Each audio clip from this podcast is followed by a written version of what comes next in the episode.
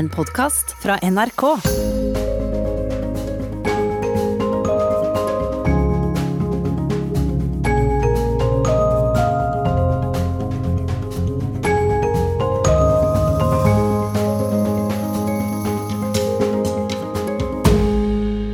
Det er julaften på Lørenskog, midt på 80-tallet.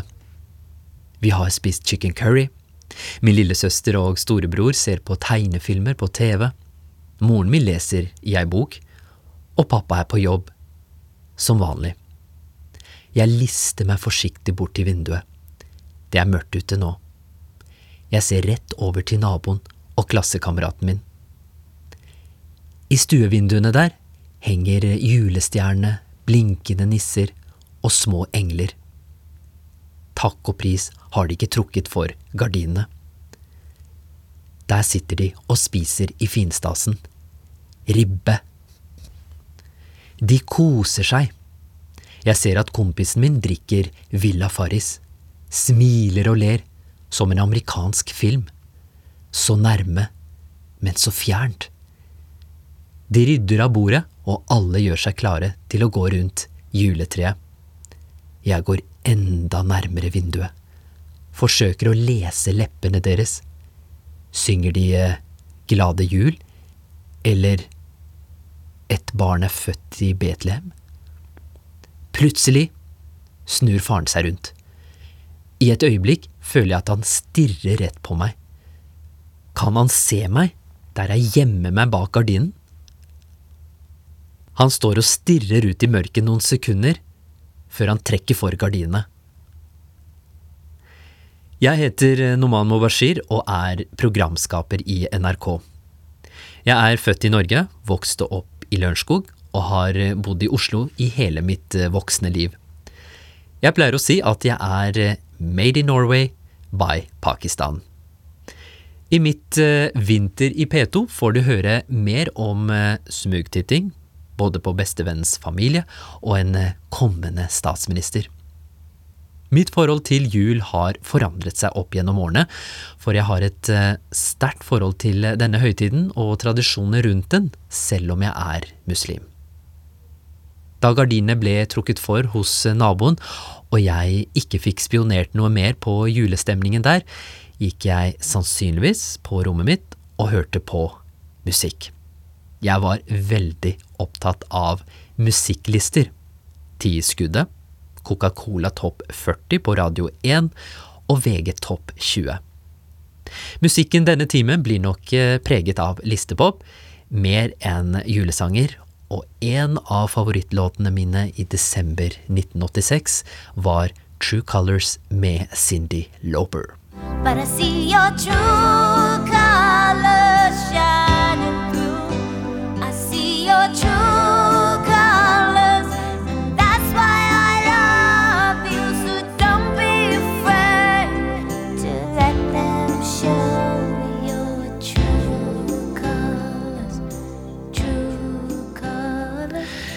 Jula er en eh, spesiell tid. Mange av oss blir eh, ekstra opptatt av eh, tradisjoner.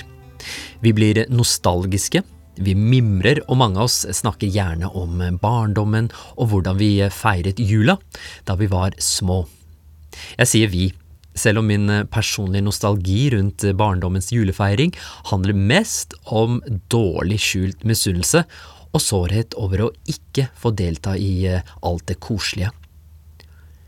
Men det skal endre seg med årene. Men den gangen, som barn, begynte det allerede i adventstiden, den følelsen av å gå glipp av kosen.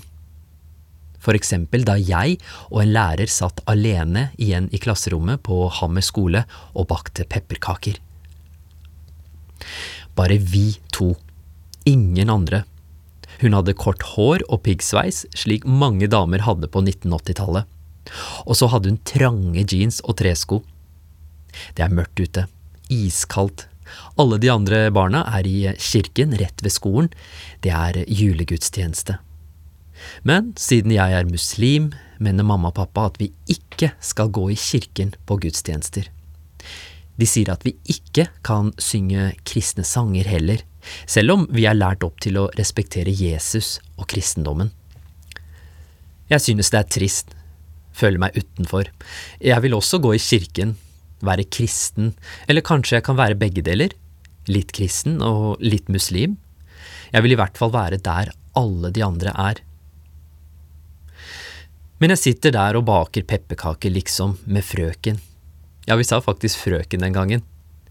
Jeg lurer på hva frøken tenker. Om hun synes synd på meg, eller er irritert fordi hun er den eneste læreren som ikke får delta i gudstjenesten sammen med resten av skolen. Hun kjevler ut den brune, duftende deigen med hurtige bevegelser. Forteller om jula i Trøndelag. Hun nevner et sted med en veldig lang ø. Det er der hun kommer fra. Der bor mammaen og pappaen hennes. De skal spise ribbe til jul, og det elsker frøken. Hun spør om jeg har smakt ribbe noen gang. Jeg blir litt stille, titter forsiktig opp på henne og svarer, men eh, ribbe er jo gris, og jeg spiser ikke det, jeg er jo muslim. Hun blir stille, slutter å kjevle, stirrer i bordet, er litt rød i kinnene. Så ser hun opp. Å ja, jeg trodde dere bare ikke spiste pølser, jeg. Da lærte jeg noe nytt. Vi lærere kan lære mye av elevene våre, svarer hun og kjevler videre, hurtig. Hun ser ikke opp. Jeg begynner å nynne på en julesang. Tenker at det kan lette litt på stemningen.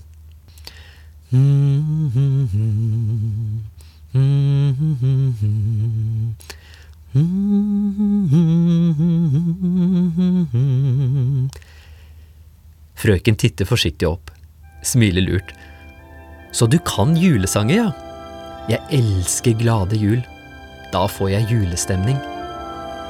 Ja, glade jul blir redningen min. Frøken tørker hendene sine og nynner med, og vi har det jo ganske koselig. Og det blir jo en slags julestemning, selv om jeg ikke er sammen med de andre i klassen.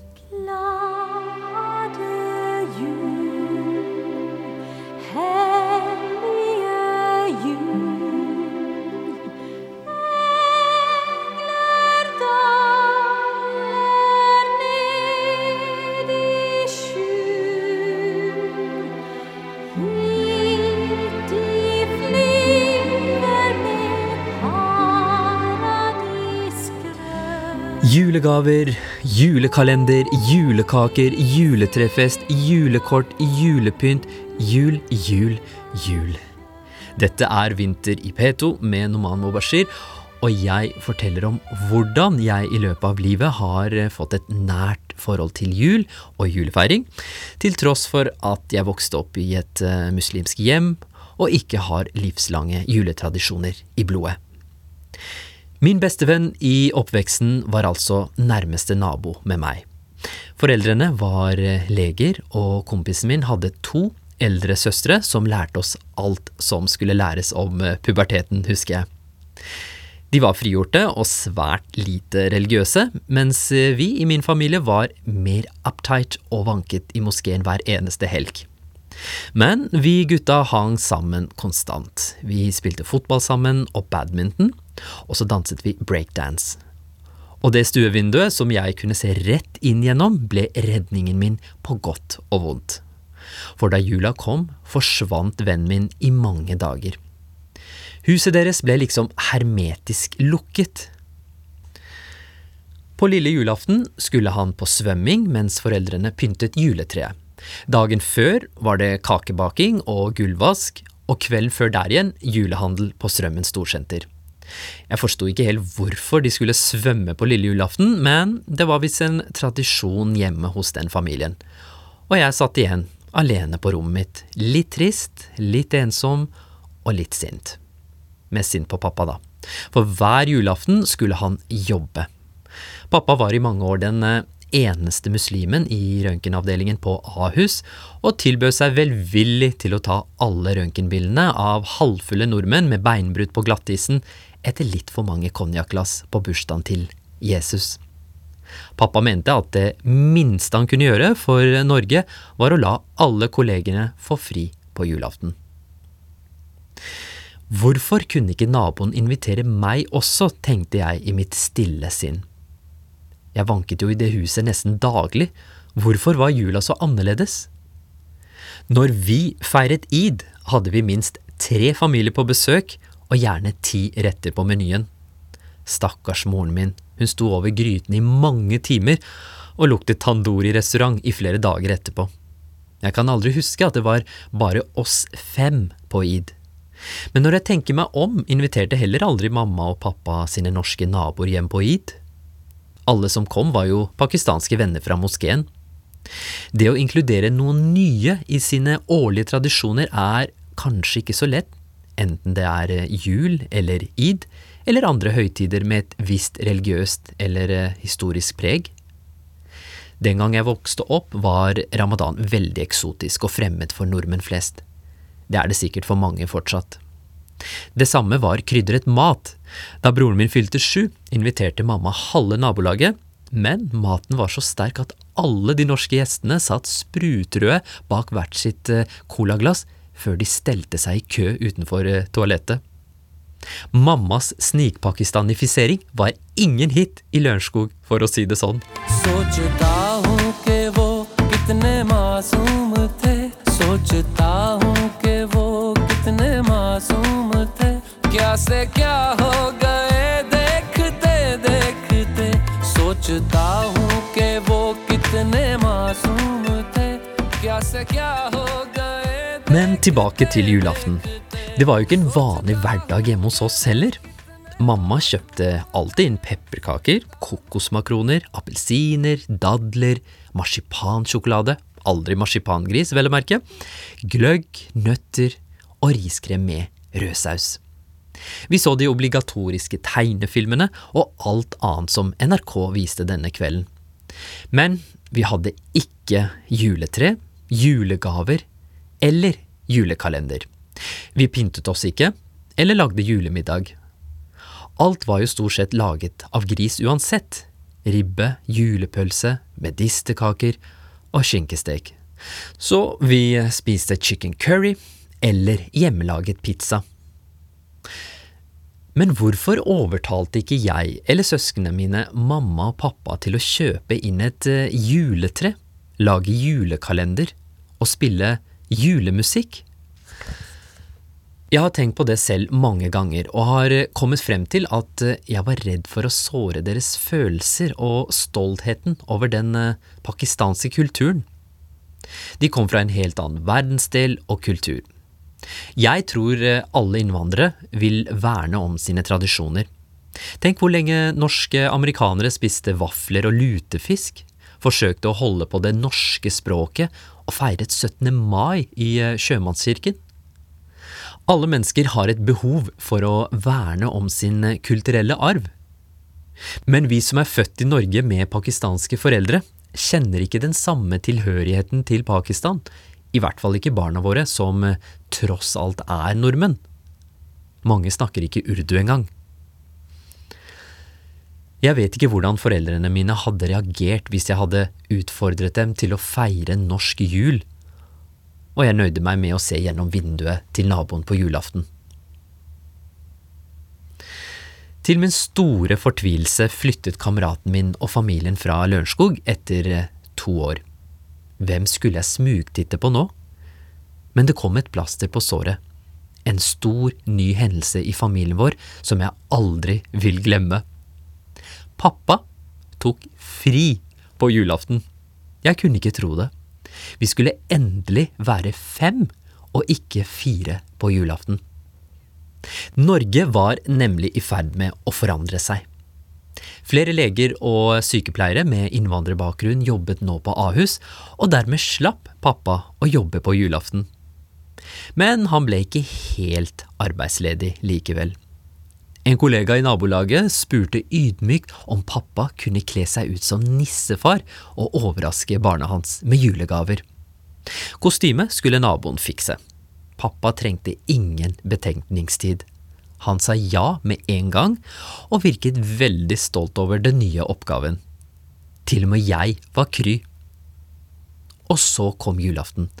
Pappa tok med seg løsskjegget og de andre klærne inn på badet, og brukte lang tid på å gjøre seg klar. Jeg var så spent. Tenk så glade barna ville bli. Ville de kjenne han igjen? De hadde jo sett pappa før, og han var den eneste brune mannen i nabolaget, men barna var ganske små ennå, og trolig ganske lettlurte. Og så kom pappa ut. Han kremtet, og så litt brydd ut. Lillesøsteren min ble litt redd. Mamma måpte, og broren min sa ikke et eneste ord, bare stirret. For pappa så mer ut som Ayatollah Khomeini enn julenissen. Du vet han gravalvorlige lederen fra Iran med hvitt, langt skjegg, turban og sammensveisede øyenbryn? Det så virkelig ikke bra ut. Den hvite kjortelen rakk ham nesten til anklene, de svarte støvlene så litt militante ut, skjegget var stort og hvitt og presset fram de svarte brynene. På hodet hadde han takk og pris på seg, en søt nisselue. Jeg får komme meg av gårde, sa pappa litt usikker før han kastet sekken over skulderen med alle de flotte pakkene og gikk ut i mørket. Jeg hadde så lyst til å være med for å se hvordan det kom til å gå. Jeg satte meg ned med pepperkakeskålen, men klarte ikke å konsentrere meg. Tenk om barna ble redde, eller at pappa snublet i den gigantiske kjortelen? Eller tenk om de ikke godtok en brun julenisse? For julenissen var alltid hvit i Norge, og hadde tomatrøde kinn. Etter en halvtime kom pappa endelig tilbake. Sekken var tom. Hvordan gikk det? spurte mamma. Han dro av seg skjegget og forsøkte å fjerne løshår som hadde satt seg fast på leppene. Det gikk fint, men eh, barna ble redde. Pappa fikk aldri helt fart på julenissekarrieren sin. Det ble med den ene gangen. Uansett var jeg så glad for at han var hjemme på julaften. Vi spiste hjemmelaget pizza og masse godteri. Så på julefilmer på NRK, spilte ludo, drakk julebrus, og jeg smugtittet helt sikkert på en nabo eller to. think twice. Cause it's another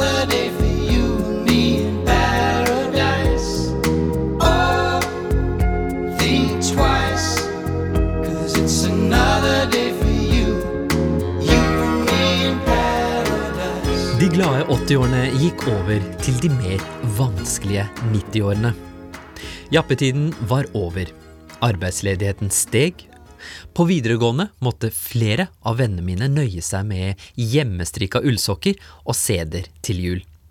Men hjemme hos oss kjente vi ikke på de store forskjellene. Mamma var fortsatt husmor, og pappa hadde en trygg jobb på sykehuset. Og ja, han fortsatte å jobbe på julaften, og vi feiret ikke norsk jul. Selv om mamma ville at jeg skulle bli lege og følge i pappas fotspor, var jeg fast bestemt på å bli journalist.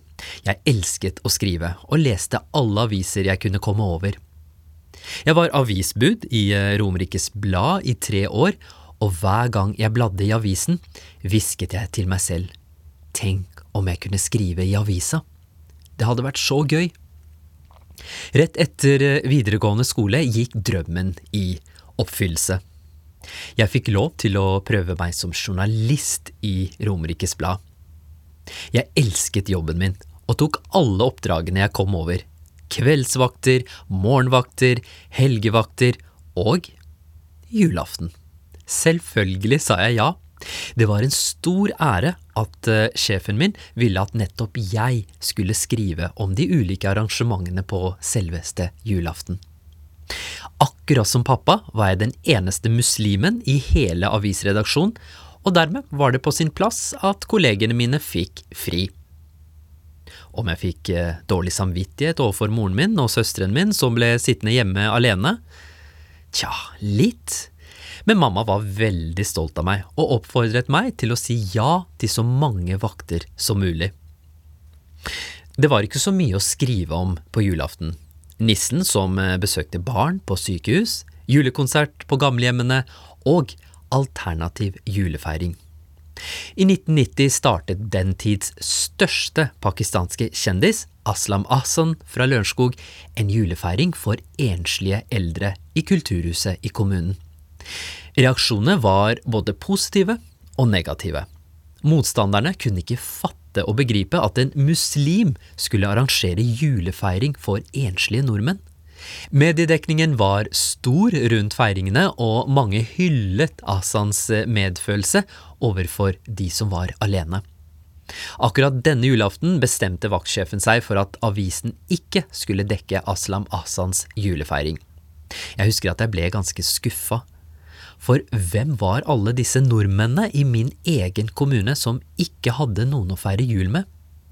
Jeg hadde så lyst til å møte dem, fortelle historiene deres. Hvor var barna deres, eller hadde de ikke barn eller barnebarn? Hva med venner eller naboer? Var det litt flaut å sitte sammen med en haug fremmede nordmenn og bli servert pinnekjøtt og riskrem av vilt fremmede pakistanere? Var det ikke litt ironisk? At det måtte en pakistaner til for å gi 100 nordmenn i min egen hjembygd en koselig julefeiring? Det var da jeg innså at eh, det var ikke så synd på meg likevel.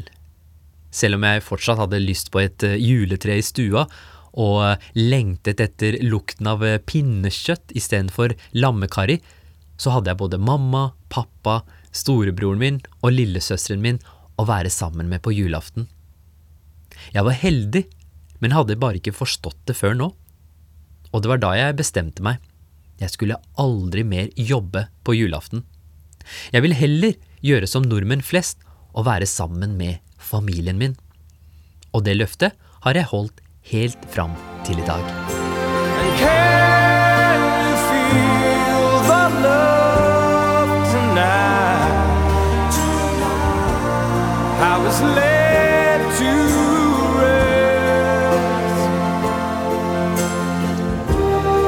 It's enough to make kings and vagabonds believe the very best. It's enough to make kings and vagabonds believe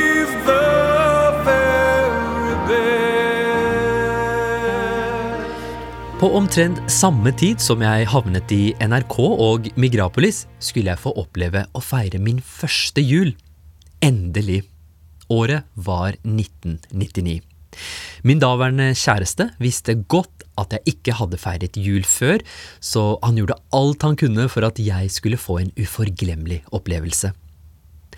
I foreldrenes leilighet på Frogner ble det pyntet med både juletre, nisser og de fineste gaver. Det var kaker av alle slag, julemusikk, julefilmer, julenøtter og masse mat.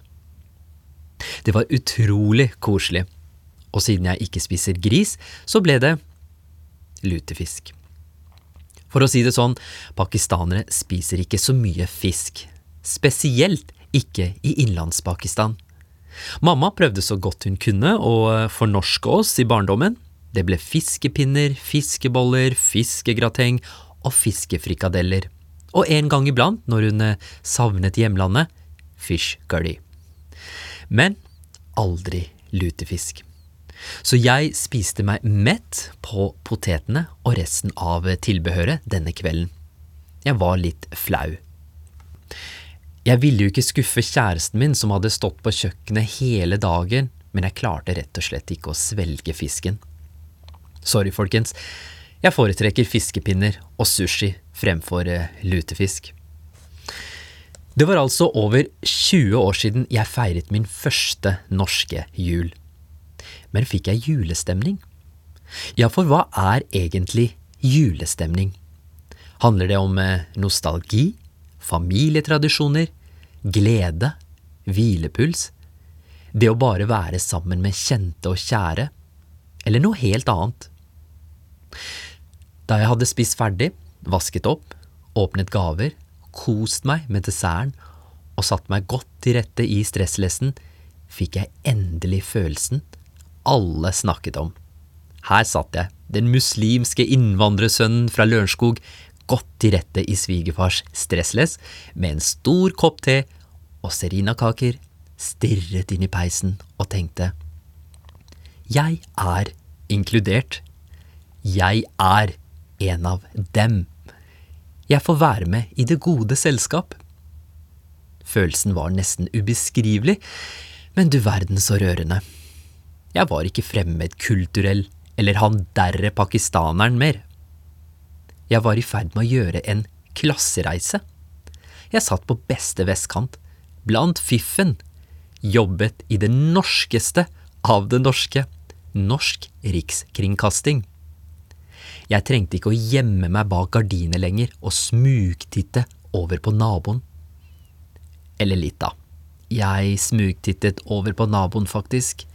Og den historien får du etter eh, Whitney Houston og Mariah Carey.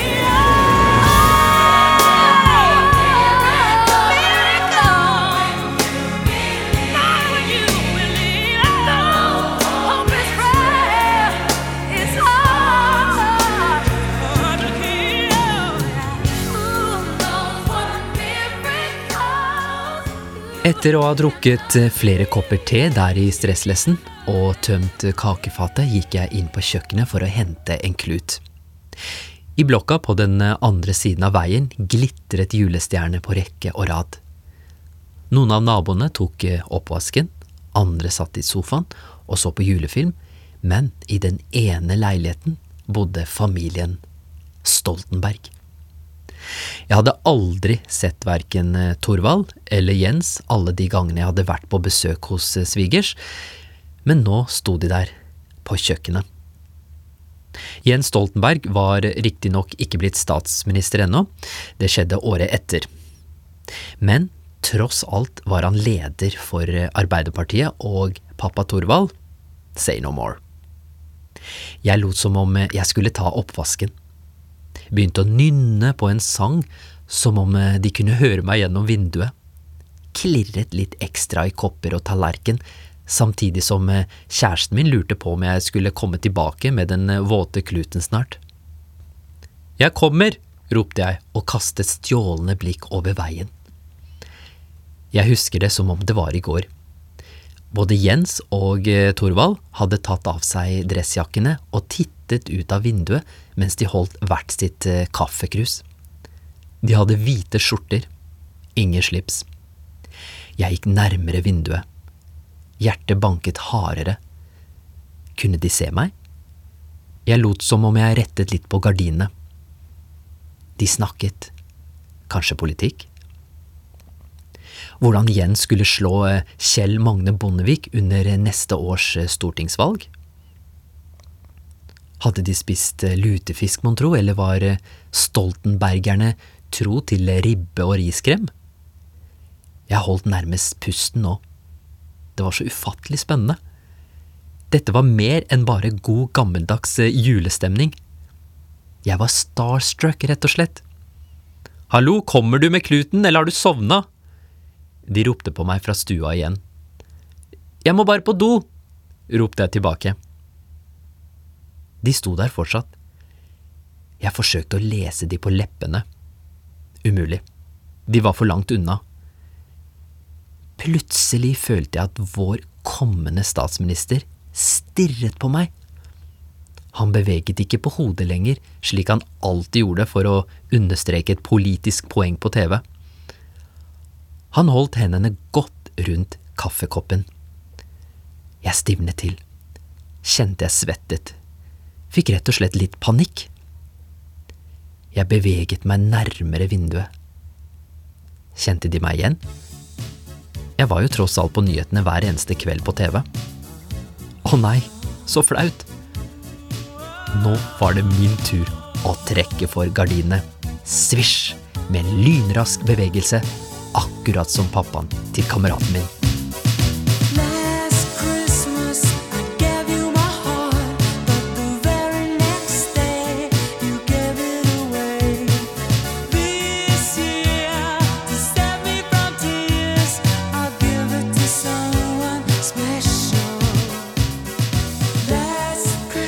Dette er eh, Vinter i P2 med Noman Mobashir.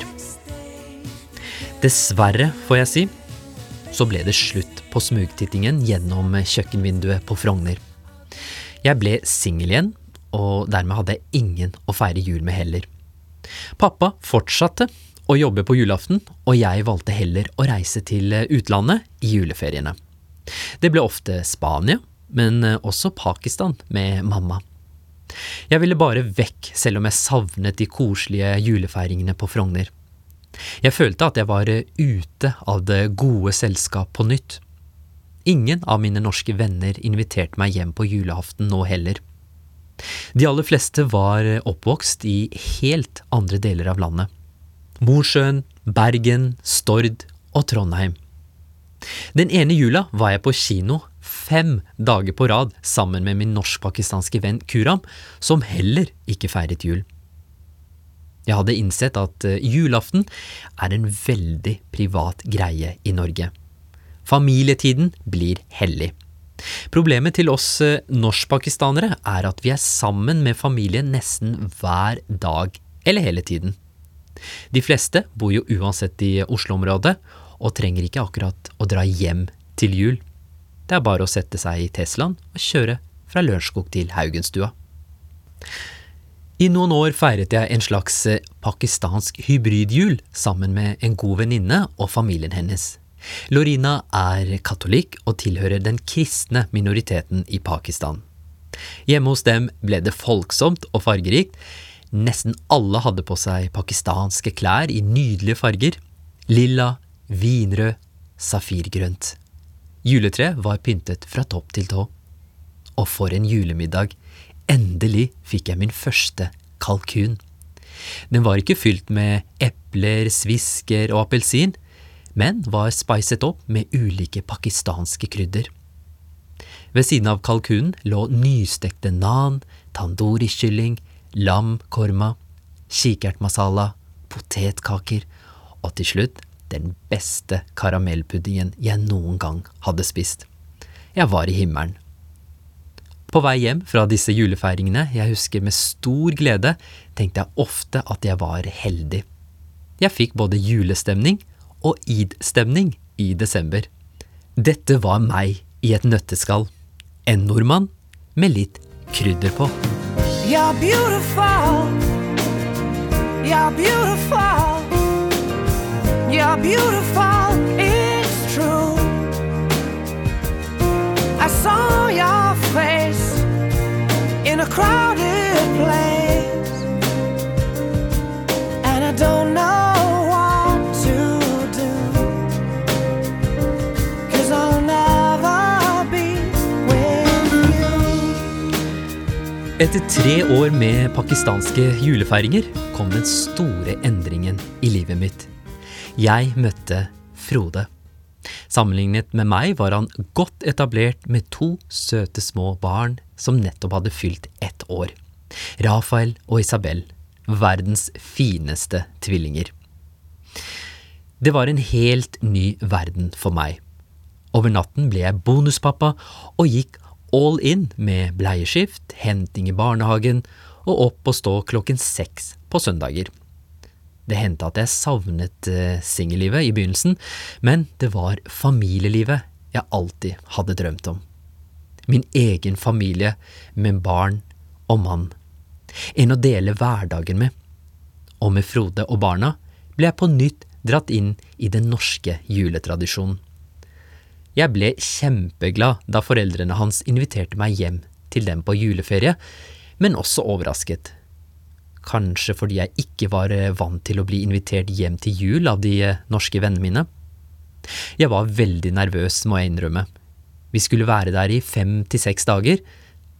Passet jeg inn? Tenk om jeg sa noe dumt, eller avslørte at jeg ikke kunne de norske julekodene? Men jeg følte meg inkludert fra første stund. Heldigvis var det pinnekjøtt og ikke ribbe de pleide å spise, og jeg ble raskt en del av familien. I flere år feiret vi jul på Vestlandet. Alltid grønn jul. Ganske deilig, spør du meg. Og grønn jul har det også blitt de siste årene, når vi har eh, feiret i huset vårt sør for Barcelona med medbrakt risengrynsgrøt og marsipangris fra Norge. Til middag spiser vi tapas. For selv om tradisjoner er viktig, kan de få nye vrier uten at eh, følelsen av jul blir borte. Og det er en god følelse å faktisk eh, skape sine helt egne ritualer, som når Frode og barna tar eh, julebad. Litt før eh, juletapasen trasker vi ned på den lokale stranda, og de tar en kjapp dukkert iført nisseluer, og jeg står trygt på land og knipser bilder, og de lokale spanjolene rister oppgitt på hodet. I år er vi så klart hjemme i Oslo. Frode har spilt julesanger siden november. Han er skikkelig julete. For selv om jeg er glad i jula, så gleder jeg meg ikke til julaften på samme måte som han. Han har feiret jul i 46 år. Jeg har kastet meg litt inn og ut av festen med jevne mellomrom. Jeg legger merke til at flere og flere norskpakistanere feirer jul. Spesielt de unge. Og det gleder meg. De har eh, juletre, pepperkakehus, spiser pinnekjøtt og gir hverandre julegaver. Men fortsatt er det mange barn som ikke får ta del i årets vakreste feiring. Det er synd. Frykten er den samme som for eh, 30 år siden. Mor og far vil verne om sine egne høytider og tradisjoner. Men er det så farlig å feire bursdagen til Jesus? Som barn lærer muslimer at alle profeter skal respekteres. Juletreet, nissen eller julekalenderen er ikke en kristen tradisjon, men norsk kultur påvirket av eh, USA, Tyskland og ulike folkeeventyr. I mine øyne er ikke julefeiringen en trussel mot muslimske tradisjoner eller tro. Så lenge du forklarer barna at vi kan delta i andre høytider samtidig som vi verdsetter våre egne, er det ingenting å frykte. For mange nordmenn er jula tross alt en kulturell tradisjon, og det er tradisjonene som gir deg julestemning, har jeg funnet ut. Ritualene du gjentar hvert eneste år, og det er ikke for sent å begynne i dag. Hva med å gå ut på balkongen og rope God jul til naboene? For det gjør danskene. Eller kanskje invitere den eh, nye syriske eller eh, tamilske familien i nabolaget på utendørs gløgg og smultringer? La oss være mer rause og inkluderende denne jula. De fleste av oss har vært gjennom et tøft år. Vi må se hverandre, ikke bare se forbi hverandre der vi haster av gårde med munnbind og julepuls. Jeg gleder meg til hvilepuls, familiekos, god mat og det å bare kjede seg litt. Og hvis jeg kjeder meg litt for mye, er ikke veien så langt til nærmeste stuevindu. Det er ingenting som er så deilig som å smugtitte litt over på naboens julefeiring. Prøv du også. God jul.